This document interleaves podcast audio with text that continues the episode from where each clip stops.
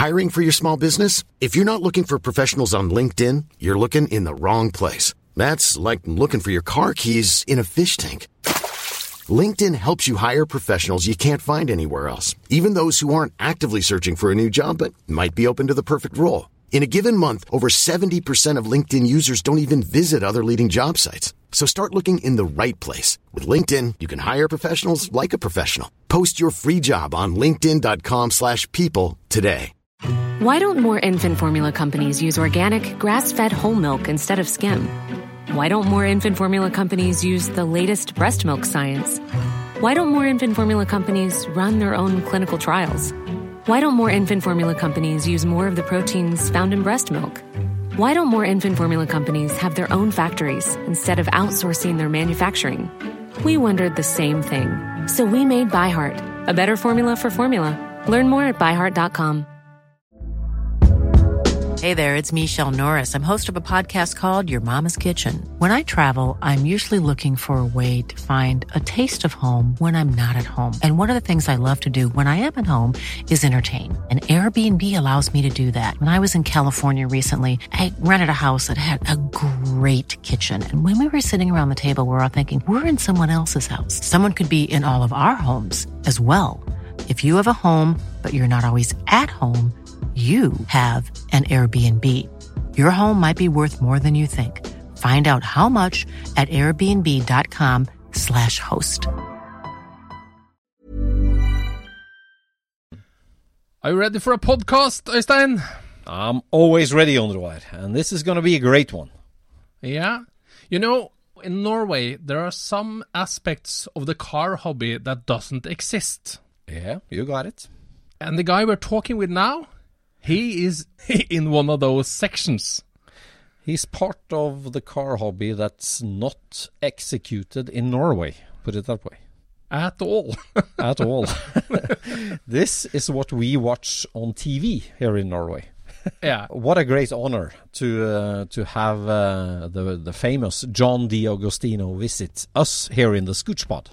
Yeah, that's a guy we have uh, heard a lot about, and uh, now we got to talk with the man. Finally, it's uh, it's always nice to have celebrities here in the Scoochpod studio. Yeah, and he's way up there. Way up there. Here we go.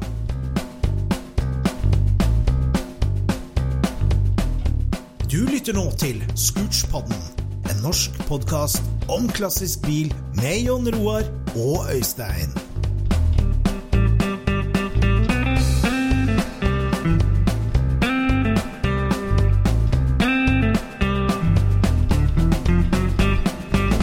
All right, ladies and gentlemen, here at the Scooch Pod, we got celebrity uh, visiting us here in the studio. It's an honor to have a guy that we've read about in the magazines, we've seen the pictures, we've dreamt of these cars for decades. And now you're here, Mr. John D'Agostino.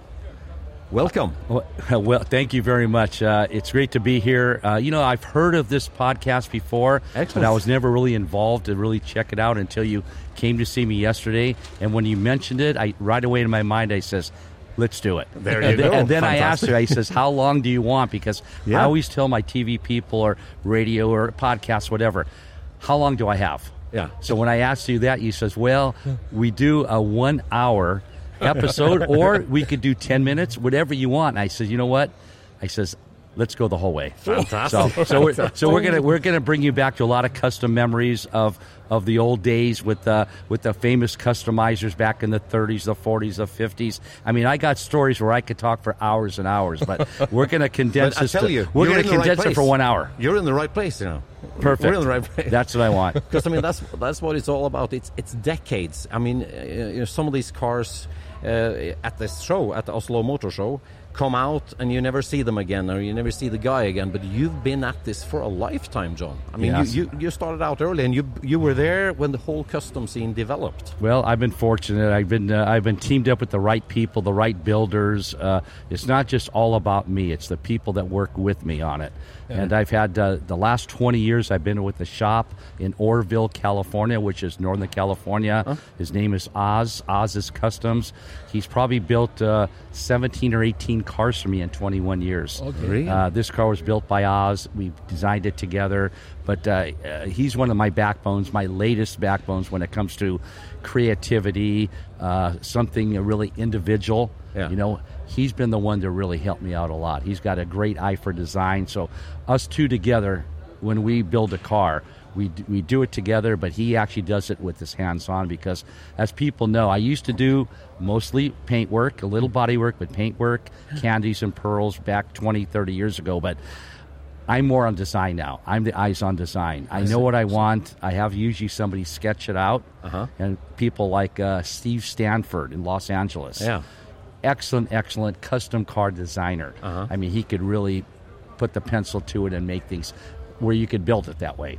Uh, he's So- one, so he's one of my famous famous uh, guys. Is is probably then there's another one called M.K. John. Uh-huh. He's out of the Midwest. He's a very good. And then there's you know uh, Steve. I mean uh, Chip Foose, Yeah. uh, Dave Kindig. Those are to me those are guys that are really upscale. That really not only uh, do they build cars, but Chip and Dave together could draw these cars, Yeah. and they're a little bit more into the uh, hot rod scene, uh, street machines, uh, muscle type cars, where I'm basically focus on one thing: custom cars, where Mm. Yeah, 'cause they th- there's don't. A, there's a, a thread throughout all your builds. Uh, I think in the, the style. It's it's a D'Agostino style. I mean, you, you got the certain touch, like you say, the the paint, the flow, the lines, the chop tops. Well, and uh, I, yeah. I have to say, when I think about John D'Agostino, I think about the King of Fade.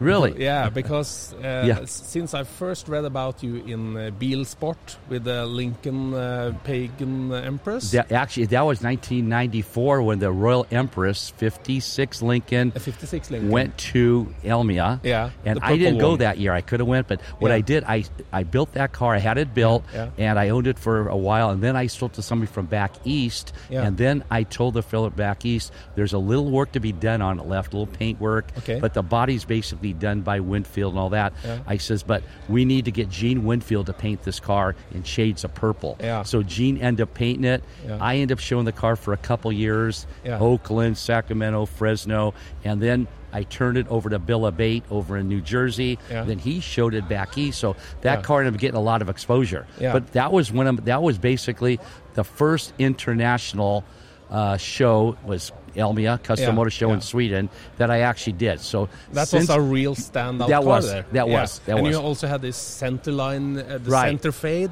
Right. Amazing stuff. Right. Yeah, It's but really that's that's basically if you think of fades. Uh, yeah, even though I've had many many fades, but I got to. Uh, my heart goes out to Gene Winfield. Mm-hmm. Yeah. He's the guy that really makes it happen. Yeah, yeah. I could be the guy to sort of guide him a little bit, but he's the guy that really uses the spray gun and gives us those beautiful Yeah, yeah, fades. yeah. He is he is the king of fades. Yeah, Gene it- Winfield. yeah, Yeah. he is the king of okay. I would say he you. is the king of. I'll be the prince of fades. Yeah, yeah, yeah. So the car, uh, I mean, you're, we're here at the Oslo Motor Show, and you brought Rita along, right? A wonderful Packard. So in order to get an insight in how you work, really, I mean, just tell us about the process of Rita. You know, from from you from the idea strikes your head, and throughout the process there. I mean, what? How does that evolve? Well, at the time, let's see, we're talking back. Uh, Rita was done in uh, 2016. I would say it was about 2011 when I purchased Rita, about 12 years ago. And I was building Purchase Street. So, so Yeah. I mean, the donor car, so the, The don- Packard itself. Yeah, yeah. But it was funny because I was building another type of car before Rita. Uh-huh. uh it was a Packard, and it was finished in 2001 called the Caribbean. I remember And it. remember the Caribbean, the pink Yeah. pink pearl Yeah. and all blended in chop channel section. Fabulous car. Yeah. Anyway. Uh, that car was finished. I had another car started at the time, but I was going down the road about six or seven miles from where I live, uh, which I live in Discovery Bay, California. But this was Brentwood, California. And what do I see in a parking lot? I look and I see this this 58 Packard, which I've never really seen one in person. One of And the I- very last Packards built. right? Exactly. Yeah. 58 and 59. Well, 57, 58, but they're, Uh-huh. they're all the same, basically. Studebaker bought in at 57, Yep. took over Packard. But when I saw this car, I saw the front of the car first. Yeah. And I went, God, look at this car. I mean, it's kind of not really a, not a stylish, not a restyled looking car. It's not very pleasing to look at, but it's so different. Uh-huh. So I stopped. I looked at the car. 30 minutes later, I go to the bank. Cashed the guy out. I bought the car. yeah, yeah. But- And- but that's an interesting thing. But it was it was funny. It was a stock car, pretty well stock, except it was painted metal flake blue Ah, and metal flake gold. Okay. And the, So somebody started the somebody started the car about I think it was in Stockton, California, which is only 20 miles from where the car was. And but if you look at the back, I couldn't believe what they did. They got rid of the lights on a stock Packard. They ended up putting 83 Cadillac chrome bezel lights in the coming up and down. It just didn't flow. Uh-huh. It was it, they just cut it. They bolted these on, and I looked. I says. Yeah, I'm going to restyle this car. I know what I want to do, and like I said, within 30 minutes, I end up purchasing the car. But I mean, what, what is it? What is it that happens in your head when you when you see that? I mean, uh, do, have you had a thought about oh, Packard would be a cool and late '50s Cadillac? It, it, it hits you right there. and Not at all. it? Not. At, Yeah. I didn't even know I was going to do a '58 Packard. I never really until I saw one, Yeah. uh, and like I said, it was close to my house there.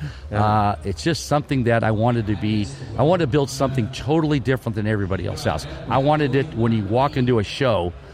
That's the only type of car you're. You're not going to see a chopped Mercury or chopped Cadillac or chopped Chevy, a Packard. But that car was probably my second, probably the hardest car to build. Really? To have built was the Packard. The second one was a '58 Lincoln Uh-huh. that I had at Elmia. I had it in Finland, called the Cool Continental, Uh-huh. powder Yeah, blue pearl. The whole that was a tough car to build because But I of the mean- big squareness of it. But the the design of Rita does, does that strike you when you see the when you saw the car the first time, or does it evolve over time? The, the, I mean, all it evolved over time. I didn't think it was going to turn out the way it is, and I got to give uh, Oz uh, actually a little more credit, a lot more credit than me on that because he's the one that was building the car over all these years. So he would walk by the car and he'd look and he'd say, "I'm going to try this." He tried it. He looked. nope, it's not right. So he, it, it, it took five, six, seven, eight different times on different tail lights the grill area, the tail light area, uh, the chop, everything. It took a lot of lot of thought to give it the way it was today. That just didn't happen a year or two. And, and he's the one that basically guided me into doing something a little much more tasteful. So I got to give give my credit to him on that one. But then, then you guys meet up, and he says, "All right." He does the taillight design, and you guys meet, and you talk about it, discuss it. We we usually get together on it, and sometimes he'll send me a sketch, and either I'll call him on it, or we'll go on the computer, uh, whatever, and then we'll look at the car, and then I always tell him. Go ahead and do. It looks good to me, but don't finish it. Just tack it on. Mm-hmm. When I come in a week or so, then we'll finalize it. Hmm. So he did a lot of that. Like the, the headlights, we had six or seven different headlight treatments for that car. But for some reason, this is the one that that just knocks it out of the ballpark. It just fits the open. He had to change the whole front part of the fenders. The whole grill cavity is all different change. All around uh, the bottom of the fenders, there's a lot, a lot of work just in that front end. But that's just the beginning. There's there's so much other radical work on that car. It looks amazing. It Oh, looks it's- amazing. it's- it's a but I mean, beautiful so, some of these details, like the headlamps, for example, is that things that you really can't see on a paper sketch. You have to see it 3D in real life to decide. or- Well, uh, yes, but but I, I had the idea when he showed me when he told me I want to use a 50. I says don't use 56 because it's got a peak in the top, and mm. and I've used it for for in other cars. We need something a little more tasteful, a little more softer. So 55 volts are kind of a round bezel, and it's got that forward look, uh-huh. and it fit that car. Except, but he had to do a lot of work to make it look the way it is. Ah, but it, it turned out beautiful. Ah, and really then did. and then doing the grill cavity, that was major. If you look at a stock one hmm. uh, and you look at this one together, you'll see the changes in the grill cavity, the headlights, uh, the, uh, the the the hood itself. That's been all changed, all altered, all brought, all that, extended. The lines in the hood, how it flows. Right, Really nice. and every panel in that car, even the doors, the doors are eight inches longer than a stock one. Because looking at the car stock, it was a, actually a 1958 Packard Starlight hardtop, Starlight Okay. Coupe, Ah, which people think it's a Hawk. It's not. This had the dual headlights on each side, not the singles. But and they made, I think they made 502 of them total. oh my God! Now- you chopped up on them. I, I know. And the thing is, too, this supposedly, because years ago when I first got the car, I sent the VIN number to Detroit. That's supposed to be one of the last Packards ever come off the assembly line. Uh, you can never show your if face on a Packard If meeting. not the last, really. and it's funny, it's registered as a 59 really? Car. California title car. Okay. It was bought in California, Northern Cal. Th- There's a price on your head in the Packard clubs now, right? One million plus, baby. so, so if it goes to the auction block at Barrett Jackson, Scottsdale in January, which I'll be talking to them in a couple weeks in Scottsdale, Oh, really? trying to figure out how we're going to do it, where we're going to put the car in, uh, what's my number I want. What now I'm going to tell them? A million. We got to go for the exactly Really? seven figures. I won't even say a million. I'm going to say we got we, we got to put a seven figure price on that car. Because that, that that's the way. I mean, your company, Celebrity Customs, you, you build these cars and you know with an amazing track record. You build them, you show them, you keep them for a while, and then you sell them. Is that, or, or do you have a customer No, before you start? I always have a customer before I start. Oh, you do? I don't even have to build for myself. I have three or four guy customers that really want the cars. But the thing is, too, I don't want to get too busy where I have to hire people to think for me. I want to I want to build every car the way I want to build it, Uh-huh. but work with the designer and the builder like Oz. Hmm. We work very good together. And I've worked with Winfield a dozen times or more. I've worked with with Joe Bailon. I've worked with Barris. I've worked with with them all. Hmm. But lately, last twenty, actually twenty three years since two thousand, I've been using Oz, and he's about two hours from my house, Ah. Yeah. and we get along good. And we've never had problems with with anything. But I mean, your your output is amazing. I mean, you, your your track record of putting out a new car. I don't know every Oh, year. oh, I've been actually over second? 100. Over I've done over 100. 150. Wow. Holy sh- 1967 was my first custom car. It was a 56 Chevy. Showed them at local shows, and that's got me going. But since then to now, hundred. little over 100, about Oh. 110 cars. So tell us about the first one. Was that a Yeah, let's go back. car? Let's You go know, a lot of people Tell ask me what John was your John. what was your first car, and I says, well, uh, it wasn't a luxury car. And you know me, lately in the last 20, 25 years, I'm more into luxury. Cadillac, Imperials, Cadillacs, Parkers. Lincolns, Packards. But my first one was a 56 Chevy. Uh-huh. And I bought it from a person that lived right across the street from my mother and father. Okay. It was a two-door hardtop. Yeah. So what I did, we But lowered... did you buy it as a as a driver, or were, were you my- into cars? I mean, did you see? it No, was, no, that was my first car. Yeah. I was in high school. I was a junior in high school, and Chevys are popular. Fifty-five to seven every one. This was a real clean, dark green and white, original paint, fifty-six Chevy Bel Air, Let me see if it is. And you, yeah, okay. Yeah. So you you were this was in the early '60s. sixty-seven. 67. 67. So that was my first really show car. I didn't chop it. I lowered it. I put w- nice wheels on it. I molded the car. I put a little different grill, different steering wheel, modified the back a little bit. It wasn't a radical car, but it had a good look. But the main thing I think that really set that car off is I painted it Royal Trident purple and white. Because Royal Trident was a popular color back in the 60s, 70s. Yeah. And and just that two-tone look just just just really set that car off. And then it was only there for a couple years, and then a couple years later, I painted powder blue pearl and white pearl together, Okay. and then I ended up selling the car. Yeah. But that car got me started in the indoor shows, not the big shows, uh, shows in my area. In other words, not like Oakland. I just I actually started going to Oakland in 1970 1970. with a brand new car. It was a 70 Cadillac, I mean, 70 Pontiac Grand Prix. Where But I did mean, you get your inspiration back then? Back, believe it or not, my father took me to my first show in 1959, which was the Oakland show. Yeah, okay. And, yeah, he brought me there, and I used to see in my little area within two or three miles, it was a good uh, area where most of the Italian people lived, and usually the people that you know, the doctors, attorneys, general contractors, they all lived in this little area. My father was a general contractor, so I used to see these cars built by these uh, George Barris, Joe Bailon, Darryl Starbird, uh, Frank DeRosa out of my area. They were built by these customizers, and they were all owned by Italians. Every Really? car, and they used to go by my father's house damn near daily to take the cars and go cruise and whatever. So you're I, saying uh, I used to uh, well- see these cars. I used to see them in person. I used to go, ah. oh my! And I was young, 11 years old, 12 years old. These people are like 10 years older than me. So, so, so a wealthy Italian, like a businessman, like you say, Yeah, a lawyer, yeah. he, he would buy a custom car. No, No? he would he would buy he would buy an original car, maybe either brand new or oh, used, hmm. and they would customize them. But probably the biggest customizers in those days in our area was Gene Winfield and probably Joe Bailon. Mm-hmm. Those are the two guys that were really well known, and a lot of these Italian guys used to bring them to those two. But then there was a local guy by the name of Frank DeRosa mm. that did really really nice work. But because uh, that's so. So the, you're saying that sort of the customers of the early custom cars were lawyers. I mean, what what would a lawyer? Why would a lawyer want a customized car? Well, bec- because because uh, one of the biggest builders, cus- I mean, builders of, of homes mm. in my area. He was always a custom car person, even when he was young in high school and all that. Oh, so everybody followed him. And his name was oh. Albert Sino Jr., Okay. which he's probably now, he's probably late 70s. And I just saw him just recently. Great guy.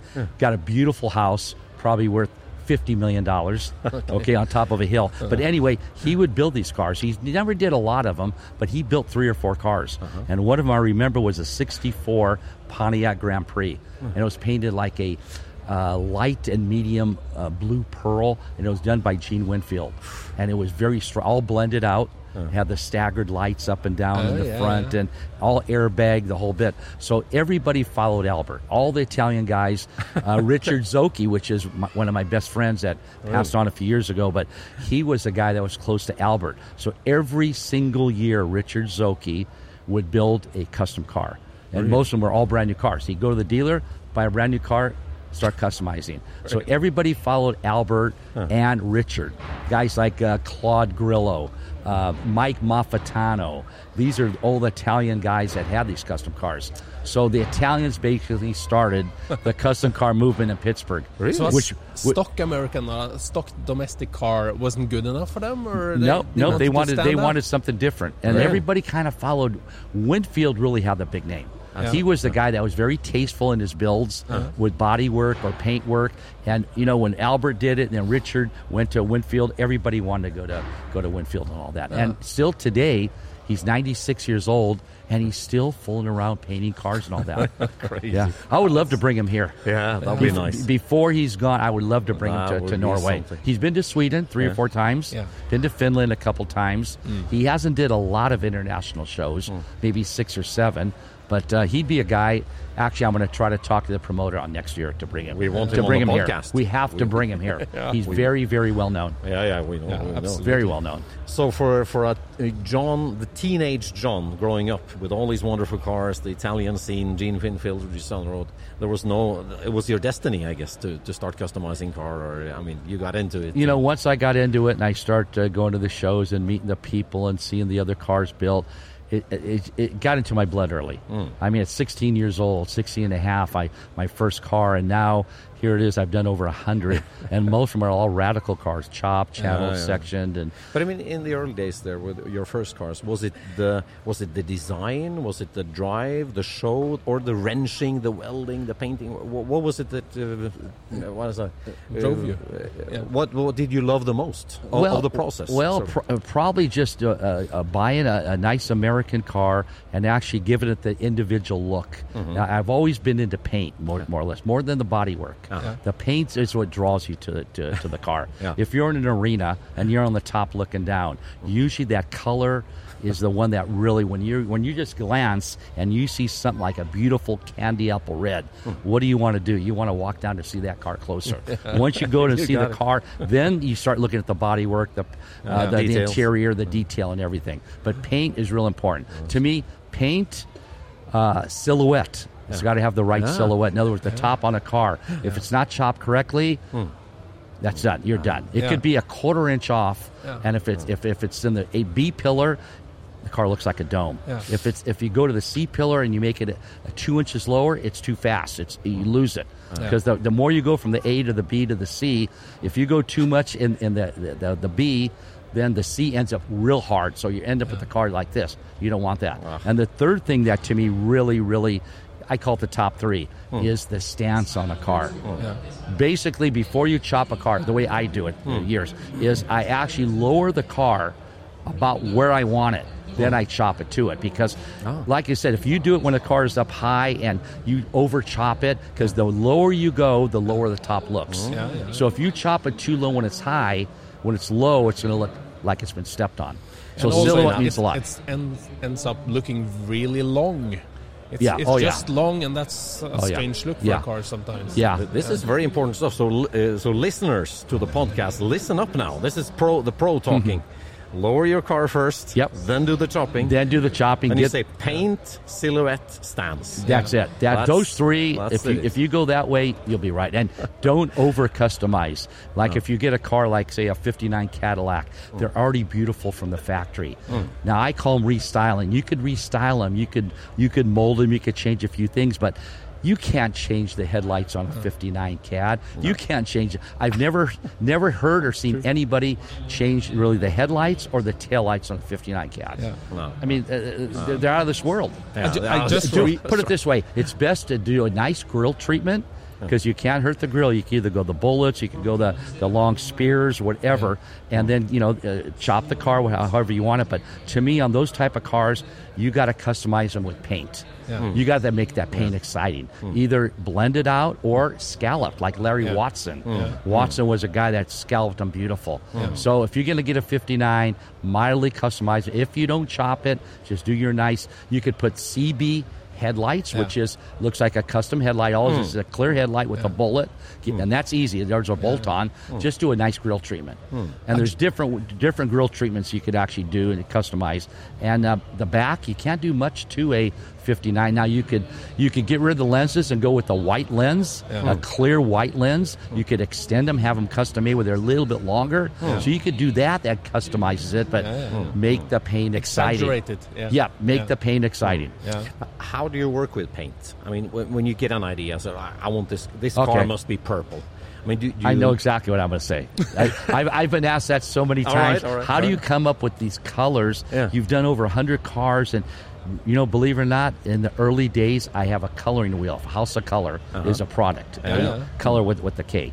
Uh, I get their coloring wheel, and I look at that wheel, and I kind of visualize what color. After the car's basically done and in prime, that's when I sort of focus in on the color. I don't try to do it too soon, because I try to get the car to look at the car before I pick the color.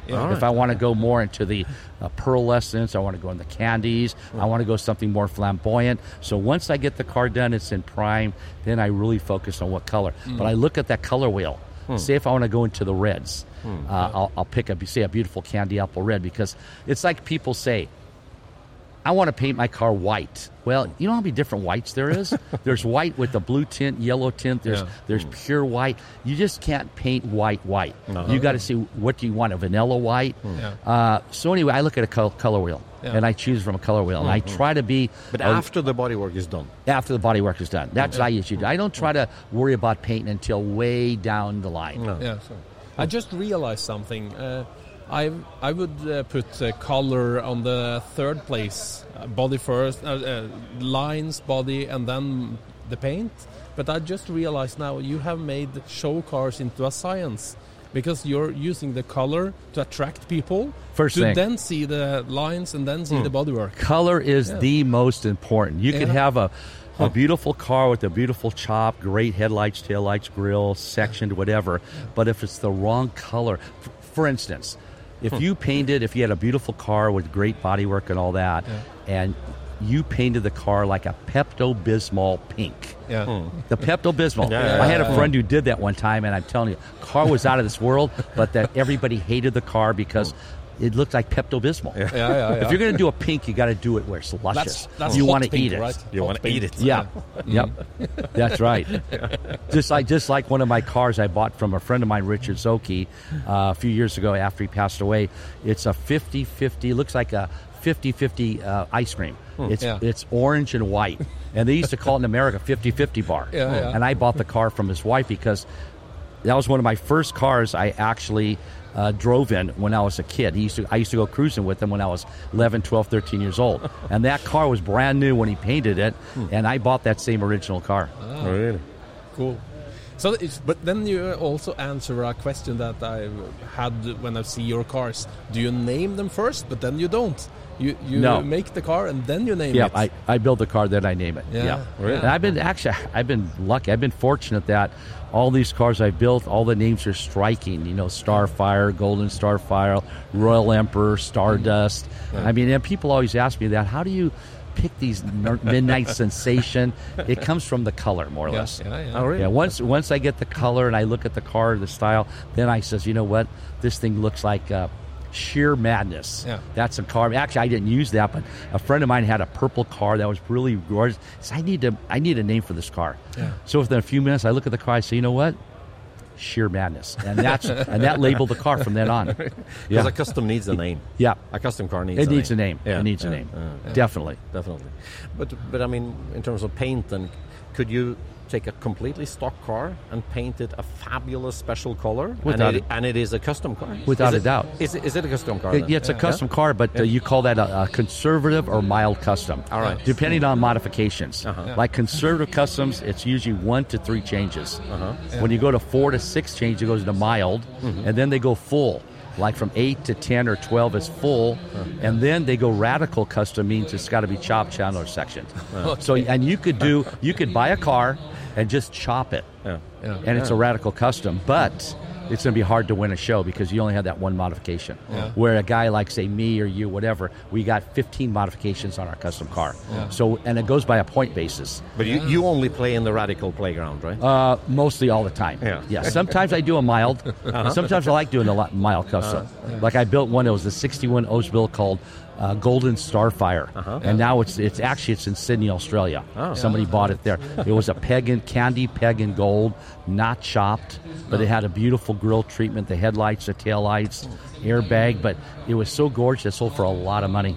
Yeah. So I have uh, one, two, three, four cars over in the Sydney, Australia area. Really? Yeah. Cool. Actually, I met somebody years ago. This is back in '99. Uh, he went to an auction. He bought one of my cars, the Maryland car. Yeah, the 53, 53 Cadillac. Cadillac, He bought that, and then he stayed a couple weeks in Beverly Hills at the Beverly Hills Hotel. Him and his ten of his people.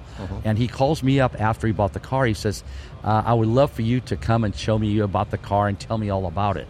So anyway, he had to fly me down there, and I stayed there for a couple days at the hotel there, Beverly Hills, and and then he says, "What else do you have in, in the area for sale?" I says, "Well, I said I got a couple at the Petersen Museum. I have a '57 Imperial and a '57 Lincoln. I mean, a '57 Cadillac Eldorado Seville, mm-hmm. and they're on display. So I uh-huh. brought him there." Within an hour, he bought those cars. so he ended up with three of my cars. And, and then he kept them all at the Petersen Museum. This uh-huh. is back in 99. And then for the Summer Olympics, if you look, they had them in Sydney, Australia in the year of 2000. So he had all three cars air freighted. And they used it for the Olympics. Oh, my goodness. For the cruise in the Olympics, it's got him in there in the back seat of one of the cars with this flamboyant. He was a very flamboyant guy, Rene Rivkin. He was a big stockbroker. Okay. Inside, he got it. Actually, got in trouble, poor guy, for inside trading right. in his later years, and uh, kind of uh, brought him down. But he was a big Wis Wisrock collector. Uh, he had a great big 180 foot ship, call it a boat, but it's a ship.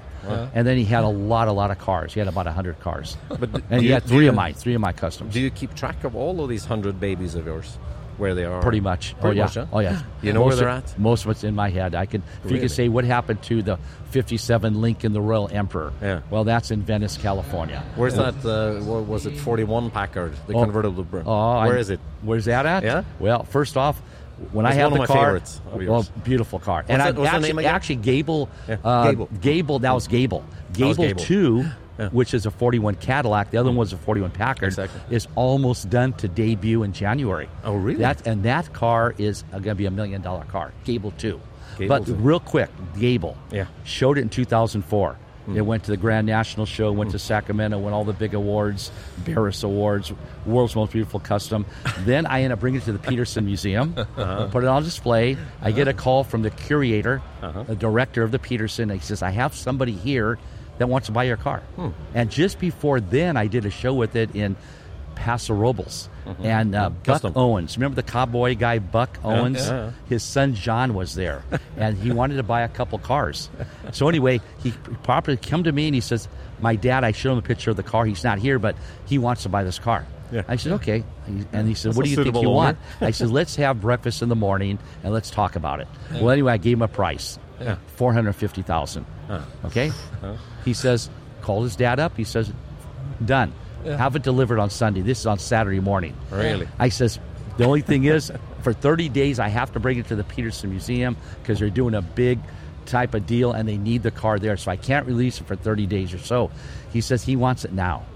I didn't sell it to him. I said, Really? I'm sorry, but I just I just can't let it go right now because I'm already you know commissioned with the Petersen. Oh, so wow. bottom line is, it even turned out better. It even turned out better. Oh. The car's in the museum, and also I get a call from the director. He says, I have a guy by the name of Ron Pratt from Chandler, Arizona, that uh-huh. buys all the cars at Barrett Jackson.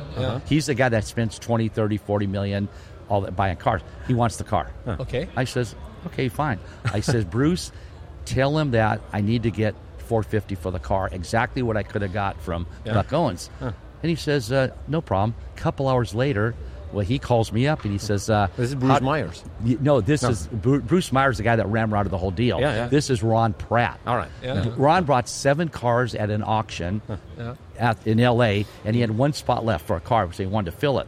So he ended up buying the Gable car through Bruce Meyer. he was the one that actually brought Brought it. So anyway, within a few hours after I talked to him, the money's in the account. So he just wired the money, and, and, and that And was Gable it. is gone. And the Gable is gone. And then I think it stayed there. I think it stayed there for three, four days. And then I flew in, Uh-huh. and Bruce was there, and Bruce's wife and director, everybody was there when we loaded the car up into the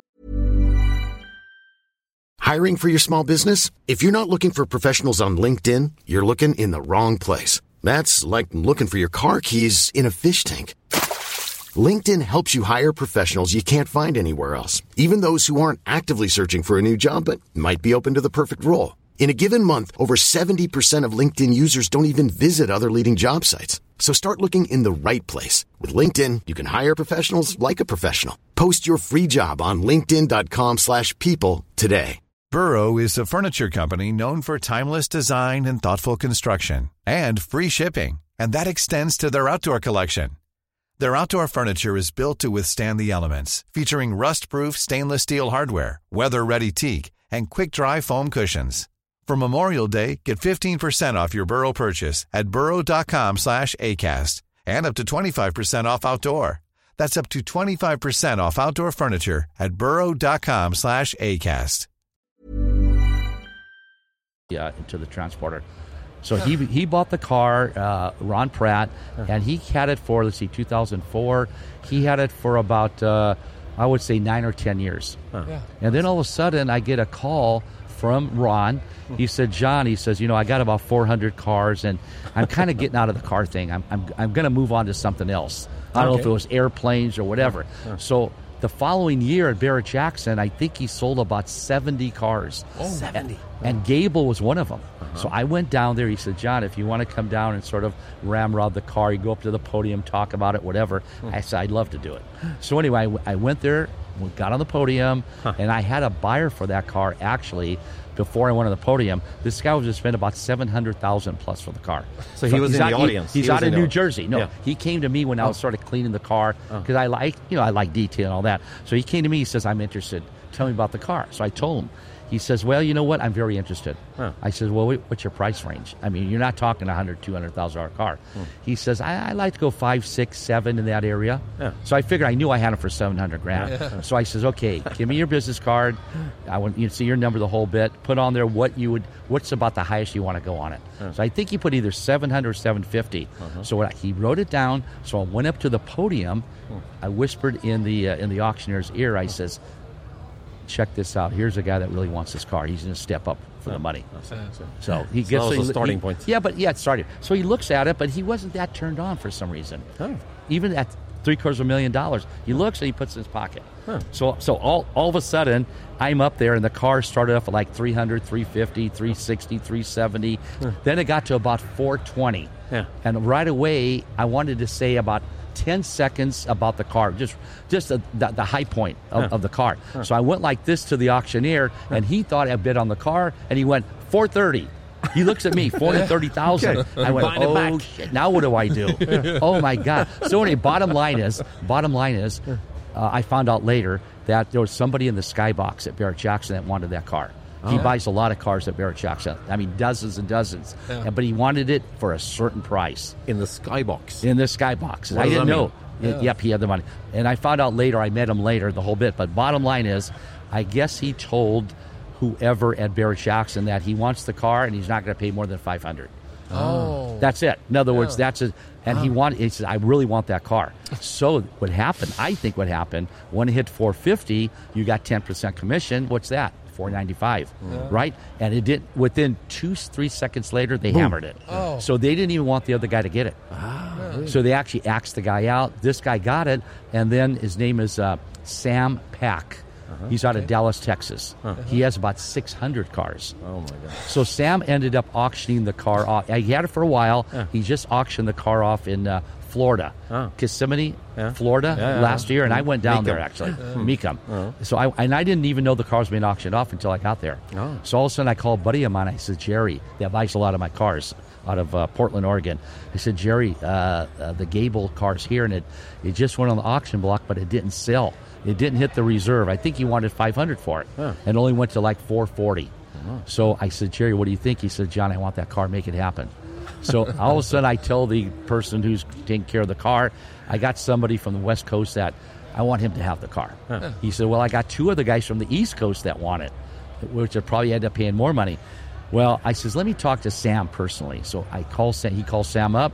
I said, Sam, Johnny D, the whole bit. I says, uh, I have a friend that really wants this Packard. And what's, what's good about it, if he gets the Packard, he could release it to me anytime to do my shows around the world with it. Yeah. So it keeps me in the loop too. I says, please, I know you could probably get a little bit more money for the car with these other guys, but this guy's still going to pay you good. Well, he ended up getting the car for seven hundred thousand. Seven hundred. 700 he paid for it. And it's a guy that's probably bought uh, 10 cars from me or more. That's so it's in my area. It's in Oregon area. great. And he owns about 130 cars, this one guy, Jerry Logan. But as a father, it sounds like uh, all these hundred babies of yours. It's not just building them and selling them. It's a lifelong It's uh, support to work of these No, cars, no. isn't it? I just love building them. I love showing them. I love bringing them to different shows in America first. Yeah. Then after that, I love to shove them to Europe usually. Yeah. And usually I always do Custom Motor Show in Sweden first. Yeah. I've always, since 1994, when the Royal Empress was there, I always told them once I started, myself, I started going in 96 with the. Royal Emperor. That was my first year. Hmm. But 94 it was the car that I owned, so I call that my first. What's the big difference on the European shows compared to the American shows? Uh, well, first off, I would say uh, it depends on if you go American cars, you go to Sweden. Sweden is the king of the classic American car, without a doubt. Without a doubt. Without a doubt.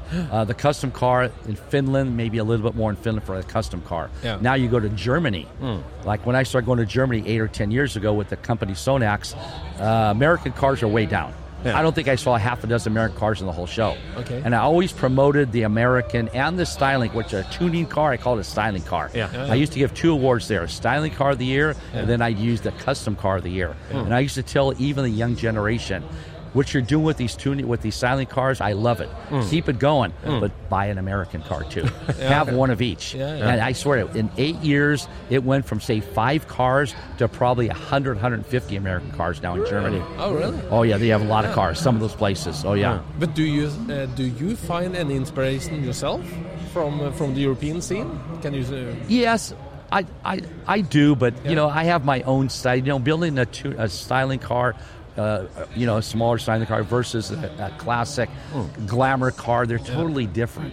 I mean, uh, you know, the, newer cars, everything is all all paint wise. I like accent. I like chrome. I like stainless. Yeah. You know, I like I like not just color, but you need you need the you need the you know the jewelry. Yeah. And but you, I, I you, men- you mentioned uh, Finland, and uh, for me, custom American cars in Finland they, they look like the crazy '60s in the states. They ex- Th- they are they are out there. They're out there. Yeah. No, Finland. The, the cars are to me are uh, they're kind of overdone. Uh, uh, they're on the wild side. They're more East Coast. Put it this way: Yeah. East Yeah, Coast true. cars Sure, are a, a little much more wilder, you know, done. Where West Coast cars are simpler but dynamic. And to me, Finland. East Coast. East Coast. I put East Coast and Finland sort of neck and neck. Way east. Yeah, way east. Way yeah, east. New York. Yeah, yeah, Ohio, Pennsylvania. But John, uh, could you do a European car? Could you customize Without a European doubt. car? Yeah. Without a doubt. And What- I'll tell, tell you us one about thing. What, what, what would that be? Well, there's a car in this show. When I saw it right away, I went, "This this is my style." Okay. I mean, I could own this car. I could drive it home today, and, and I'd be proud of it. And it's uh, it's actually it's a 2010. I think it's a what is it G92 or G62 Infiniti. Yeah. It's Oh, the yeah, the green, green one, one. over here. Yeah, yeah, Yeah. yeah. I think it's a 2010, but he put a 2022 front clip, so Yeah. it looks like a really modern, modern front. And even the back, it, that car to me is probably out of all the shows I've done around the world, over 400 shows, uh, when it comes to a styling car, that's definitely my, one of my top three. Oh, really? really? Oh, that car's beautiful. Wow. That car, the color is, is elegant, the detail, the creativity, the interior, uh, the airbag. It's a total pack. That car to me is the styling car of the year. And it's also really a- clean. It's a r- really Absolutely, yeah, absolutely yeah. right on. Yeah. I would Ah, own it. yeah. I even told him I did an interview with him earlier. Oh, Really? And I told him, you know what, I would have, I'd love to have this in my garage. yeah, he was all turned What turned an on, honor for and. I believe it. It's, Yeah. it's that nice for a car. Was it a Norwegian builder or a Swedish Uh, builder? Swedish builder. Swedish builder. Yeah. But Wow. uh, I think you have uh, cooperated with some Europeans as well. Uh, Yes. Oh yeah. Yeah. Didn't you get uh, your T-bird painted by a Swede? No, well, what happened is uh, uh, the 61 T-Bird, you talk about the one that's uh, Starfire. Starfire. Yeah, that car was built. We built it back in 1996. Finished it 97. Yeah. Uh, debuted at the Sacramento show because it missed the Grand National show in Okay. Oakland. So we debuted it in, in Sacramento. And just before I finished the car, Lasse Theander, Yeah. Custom Motor Show guy, he ended up buying the car for me. Oh. Oh, he At did? at the- he bought it, but he says keep the car with you for you know we want to show it at least in America once. So luckily we did Sacramento, and right after Sacramento in 1997, we ended up shipping the car to Sweden. So it only did one show, and then and then he showed it a lot, and then we resold the car went back to the Petersen Museum. A friend of mine from from back east in Minnesota ended up buying the car. He showed it in a lot a lot of shows. Okay. And then and then it sold again. Then it went to Beverly Hills. Now it's in uh, uh, Lake Havasu. Oh. Okay. Yeah, and actually, Bernd Carlson restored the car about six or seven years ago. Oh, he painted candy apple red with the gold scallops. It, it's a beauty. Maybe that's what I'm Yeah. remembering. It's, it's yeah, yeah. So Bernd's actually the car today Yeah. was actually restyle, redone by Burnt. Okay. And it's very beautiful, really detailed. I mean, even the engine compartment, everything. So I've been in, in uh, coordinating with the guy that owns the car now from Lake Havasu a lot, Yeah. and Oh, he's, well- he, he loves the car. Uh, when was uh, when or and what was the last car you painted yourself, John? Uh, the last car, oh, that it's been a while. Uh, actually, it was uh, uh, 19, what was it, 1980, 1982 was the last one I painted. I see. Really? It's been that long. It's been 30 years ago. So since then, you are the designer, more the project designer. coordinator. Exactly. You, you you got all your guys uh, Yep. working for this and yep, uh, yep. yeah. And I usually, if I do a couple cars, I usually try to give uh, one of the cars to one builder, another car to another builder, so you don't overload them. But how many how many in parallel? How many projects at one time have you got No- going? Never more than two.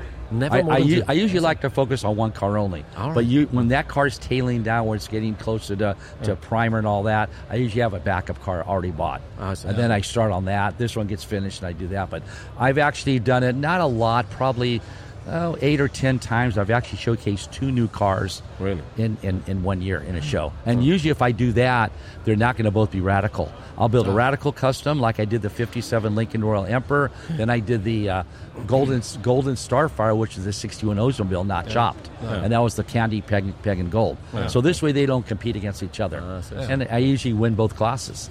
yeah.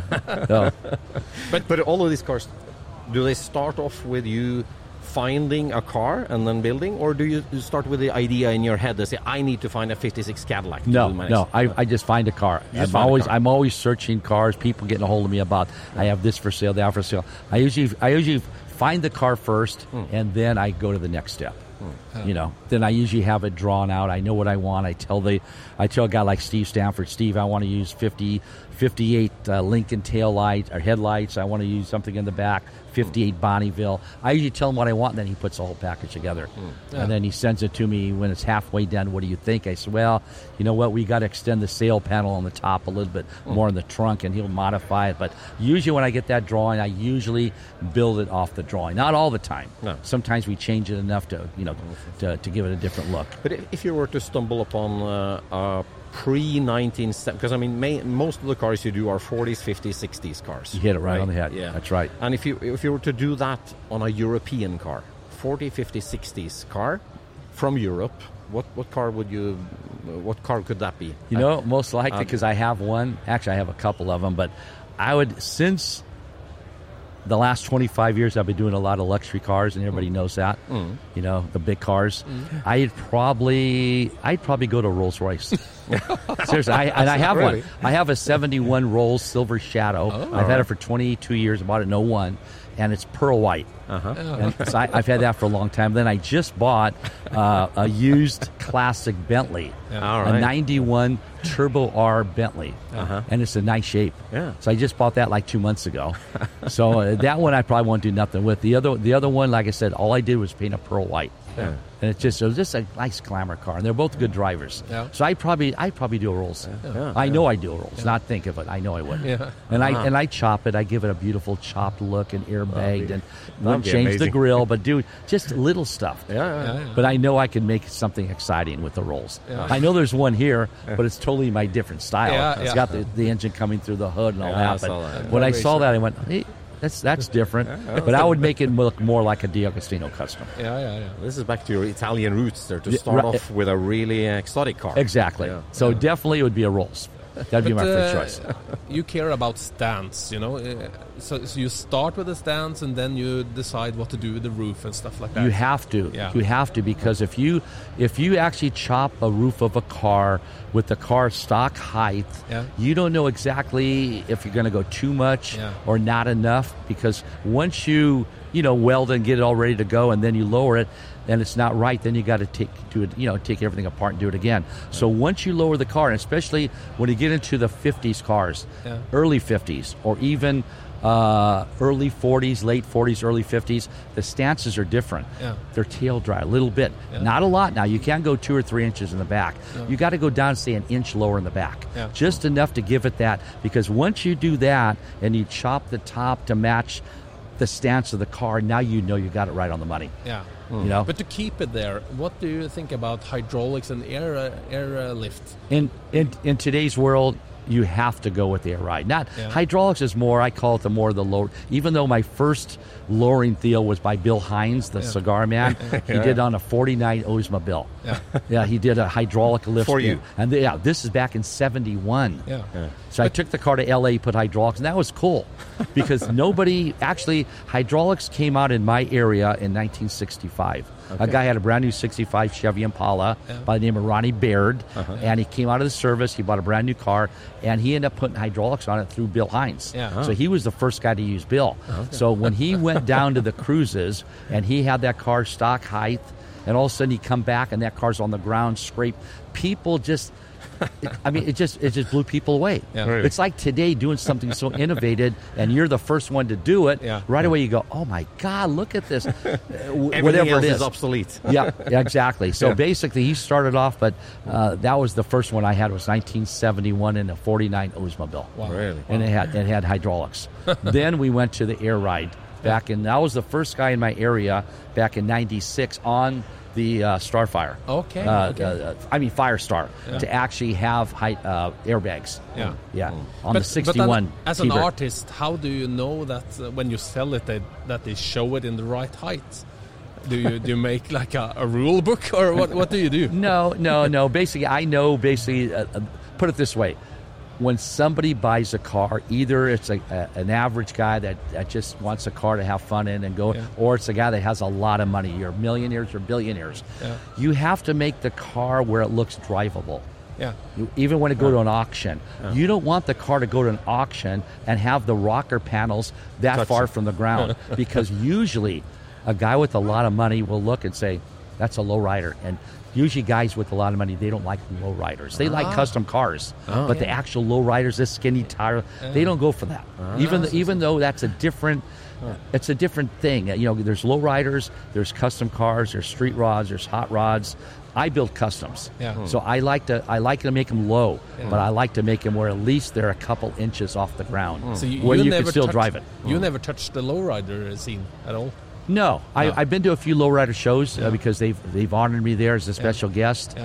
uh, and I've showed my cars there. But I've never done a lot of lowrider shows because it's a different, it's just totally different, Yeah. and they do great work. Yeah. I'm telling you, the, the, the uh, and they're more into the paint. You don't see a lot of lowriders with a lot of custom body work. Mm. No, There might be a few with the grill treatment, little headlights, maybe mm. the interior, the console. But when it comes to all the chopping and chop, lowriders don't do that. They No, do it no. all in paint. Yeah. Mm. And I tell you was one it thing, was it it's always hard. that way? It's amazing. It's always been that way, more like Yeah, yeah, yeah. even today. But you look at the paint, what it takes to do what they do. Hmm. I just love going to lowrider shows and looking at what they do. Hmm. They're artists. Yeah, They're they beyond are. an They artist. are. They are. it's true. It's true.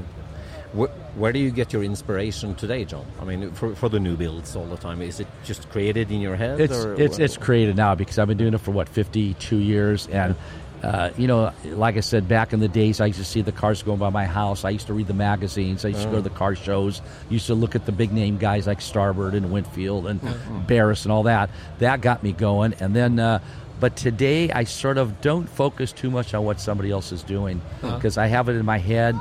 When I when I see a car I want to build, I kind of in a, within a couple days, it's in my head. I know what I want to yeah. do. Yeah, yeah. So in other words, I sort of do my own thing. Yeah. But uh, when you look at these uh, famous builds of yours, there's a there's a red thread through it all. I mean, you, you can you can recognize the D'Agostino style. That's what sort of. people say. I mean, but your recipe has evolved over time, and where, where you know what, what what aspects are you focusing on now? You know, what, what how is the recipe changing today and in the say next five years for you? I mean, it, what, type of details are you into now? Well, you know, it's funny. Custom with the K, you know, the word custom Yeah, yeah. with the K, that's my license plate, K U S T O M. When I say custom with the K, that means that's that's a traditional custom. That's built like the old days, like the Barris days of Winfield. Now, when you go custom with the C, that is a contemporary custom.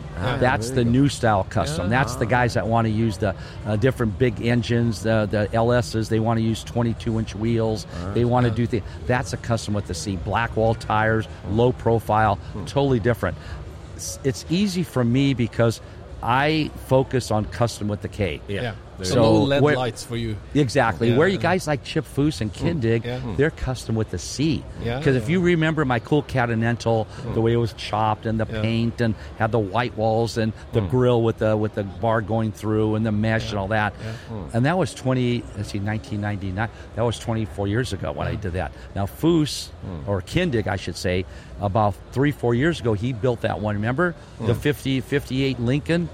Remember mm. it? Yeah. Yeah. The convertible Yeah. went to SEMA and all that. Yeah, yeah, yeah. But a very high quality car, mm. million dollar car. Yeah. The guy spent a million dollars plus on it. Mm. But it's a contemporary custom, Yeah. and it's beautiful. But it doesn't have the look of a of a traditional, old school. It's got big, big tires, big wheels. Uh, uh, the hood itself, they cut through the hood and put totally different. I don't build cars So that you, way. you, you don't challenge the rule set. No, I- I really don't. No. I- I really don't You, you stay within that. Yeah. Yeah, because really, when you go custom with the C, you can do anything you want. Yeah, yeah, you could you yeah. could put square square headlight lenses on a round fender or whatever. But when you're building a, a really a true Custom. Barris style con, uh, traditional custom, you got to make things tasteful. Yeah. You know what I mean? You, You got got to to put round headlights on a round fender. You know. yeah. You have to work within the lines. Yeah, exactly, lines. exactly. I- and really, I don't know. I don't think I'll ever change and go to even though you'll have a bigger impact with the people with the young generation Yeah. if you go custom with the C mm. Yeah. because they they think a custom with the K traditional big white walls appleton spotlights that's for the old man that's for mm. the guy that's 50 60 70 years old mm. the young, young guys 20 and 30 which is okay and it's probably going to be more uh, actually a lot more powerful custom with the C because they could use these these billet wheels. They could use these uh, low profile tires. They could use these big engines, these LS. Yeah. They could do these these special interiors that are really updated. Nothing wrong with it, but No. me, I focus with the custom yeah, with the yeah, K. And, traditional. and, and you also seem to focus on uh, cars that are really close to their concept uh, state. Like you, you pick cars that have a lot of lines in them. That I- has a lot of the in the, uh, Most- Initial design design. from the yeah, start. Yeah, most most cars I do, I try to find a car that is tasteful. But like I said, the Rita car that was the hardest car to build. Even Oz will tell you, it, it, it just it needed everything done to it. But I wanted to prove to the people that I, am going to build a knockout. and people says you're going to drop the ball on this one. You'll never make it the way it is. And people, Really? everybody that's seen the car says. They just can't believe it. It came out that nice. Yeah, yeah. I like I like that the door uh, latches or handles. Oh, you saw that? Yeah, they're the on the quarter panels in in the front under Yeah, the hood. you know why? Yeah. Because it's suicide doors. Yeah. And that's where the latch is, Yeah. closer to the to down there. Yeah. yeah. And what's good about that car too, the doors are eight inches eight inches longer, yeah. and it's suicide. Yeah. And, and the windshield used to be seven inches up towards the fender, uh, up towards the hood. Oh, really? And now it's back because me and Oz looked at the car. Stock, they look like like it's a four door car. It's a two door car, but it looks like a four, like they made it into a four door. They just boom, and the doors are are actually too small. The quarters aren't long enough. The front is stubby. What we Proportions did, are wrong. We changed everything. And if if you look at the back, looking from the back, straight in the back, you look at the quarter panels. Hmm. They're not straight. They actually bow in, Yeah, yeah. and it's got that beautiful Packard light on an mm-hmm. angle. So in other words, there's a there's a, A lot, lot of of work done to thinking. that car. A lot of thinking there. Yeah. Fantastic. Yeah. But So- wait till you see Gable too. Yeah, so current projects, John. Got to You- remember, you- 41 Packard was Gable. yeah, yeah, we yeah. hit 700,000, a lot of money. Next one, Gable 2. And like I said, the color is more of a candy root beer. Okay. With Candy the red root beer, yeah. Candy root beer I with a love the little color red, on, but uh, but it's blended with black. Black Yeah. candy root beer and a dark, dark uh, uh, burgundy uh, candy. Really pretty. Wow. All done. It's all rubbed out. Car's all assembled. Next week it goes to upholstery. Really? Stays there about a month, then it goes to my garage. Oh, my goodness. And that's a What 41 kind of wheels Cadillac. do you want on that? Well, one? on that one we put uh, we put the wire wheels, the Ah. Cadillac wires. Is it a convertible as well? Well, ah, it wasn't. It was. It wasn't at first. But what we did, we cut the top off. But I ended up buying the A pillars and the whole top part from a convertible. Oh. so we end up using convertible header bar. Everything's convertible there, Uh-huh. and and now it's going to be made into a Carson top. Ah. Chopped five inches. It's a true Carson top with a small window in the back. So yes, it's a convertible. All right. So that was now it's going to be a car that I could take col- the top off, and it's gorgeous. The color sounds amazing. Oh, it's beautiful. It's, red it's different, very different. Wow. I try to do something because every year it seems like there's always a color that overpowers everything, just like candy apple red. Yeah. For one year, you could see 10 cars of candy apple. Then the greens came in, then the purples. But the root beer hasn't been shown too much. But this is just not a root beer out of a out of the can. We actually made the root beer more than what uh-huh. it, what it Oh, is. okay. And we use all House of Kolor brand on that. Fantastic. cool.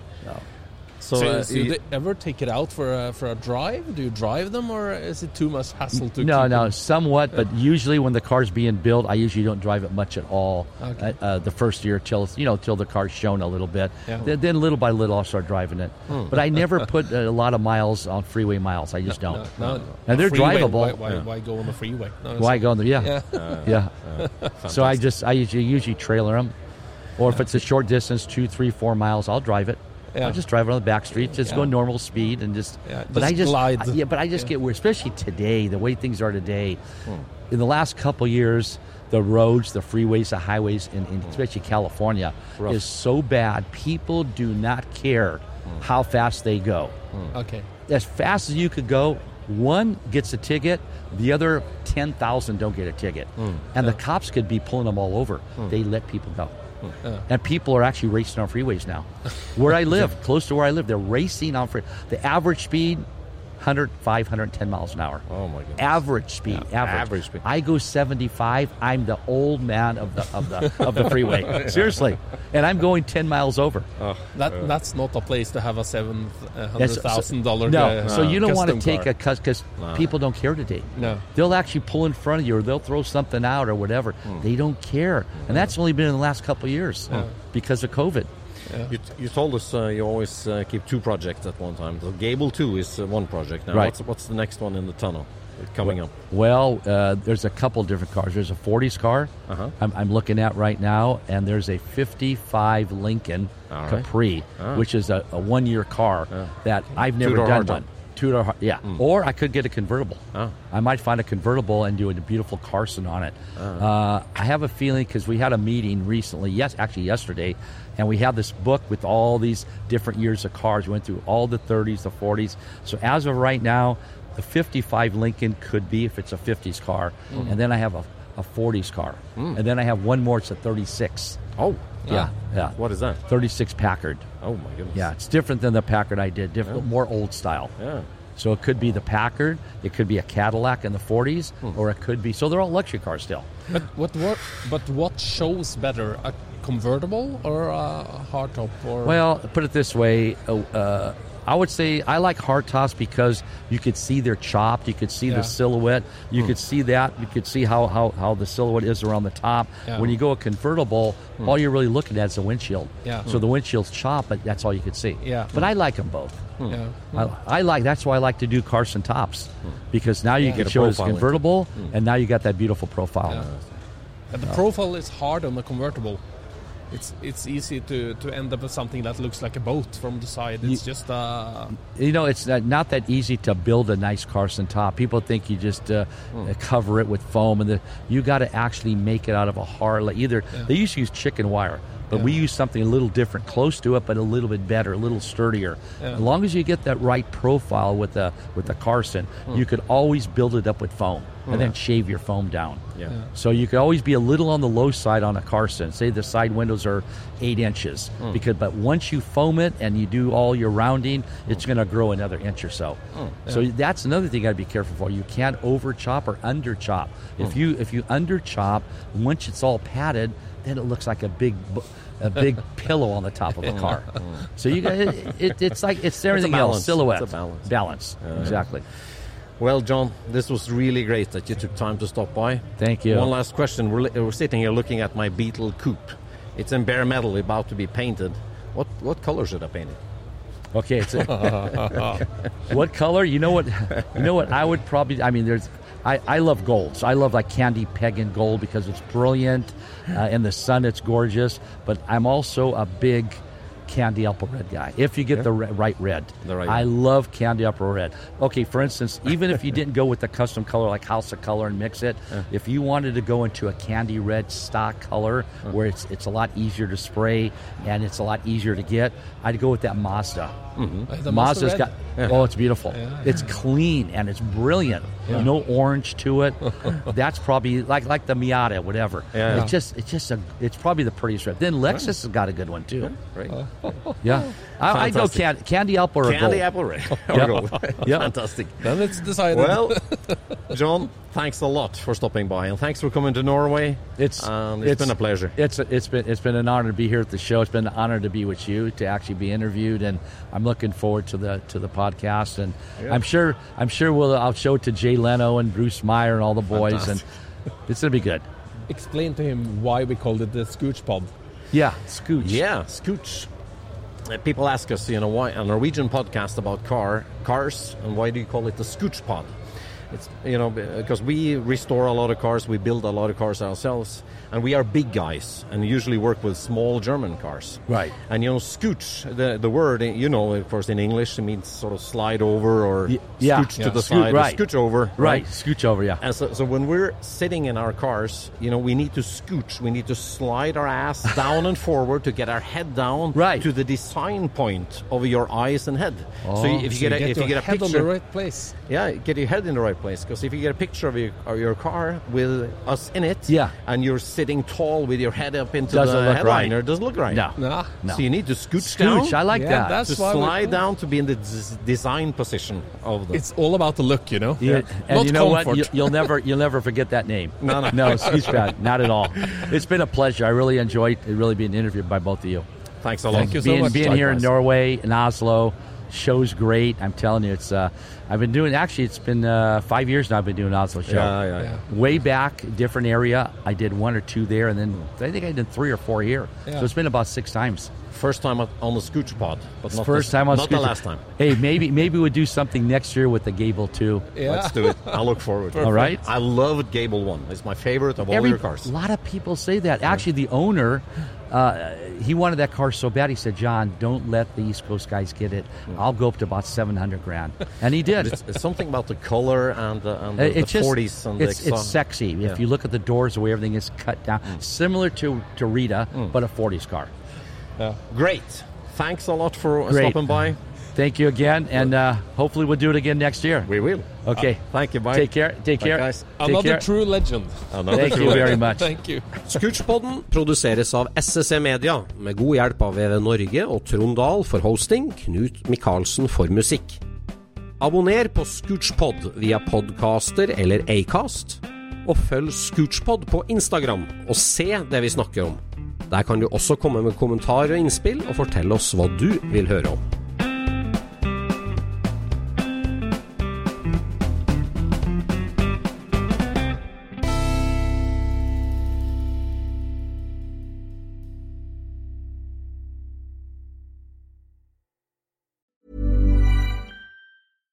Mom deserves the best, and there's no better place to shop for Mother's Day than Whole Foods Market. They're your destination for unbeatable savings, from premium gifts to show-stopping flowers and irresistible desserts. Start by saving 33% with Prime on all body care and candles. Then get a 15-stem bunch of tulips for just $9.99 each with Prime. Round out Mom's menu with festive rosé, irresistible berry chantilly cake, and more special treats. Come celebrate Mother's Day at Whole Foods Market. Planning for your next trip?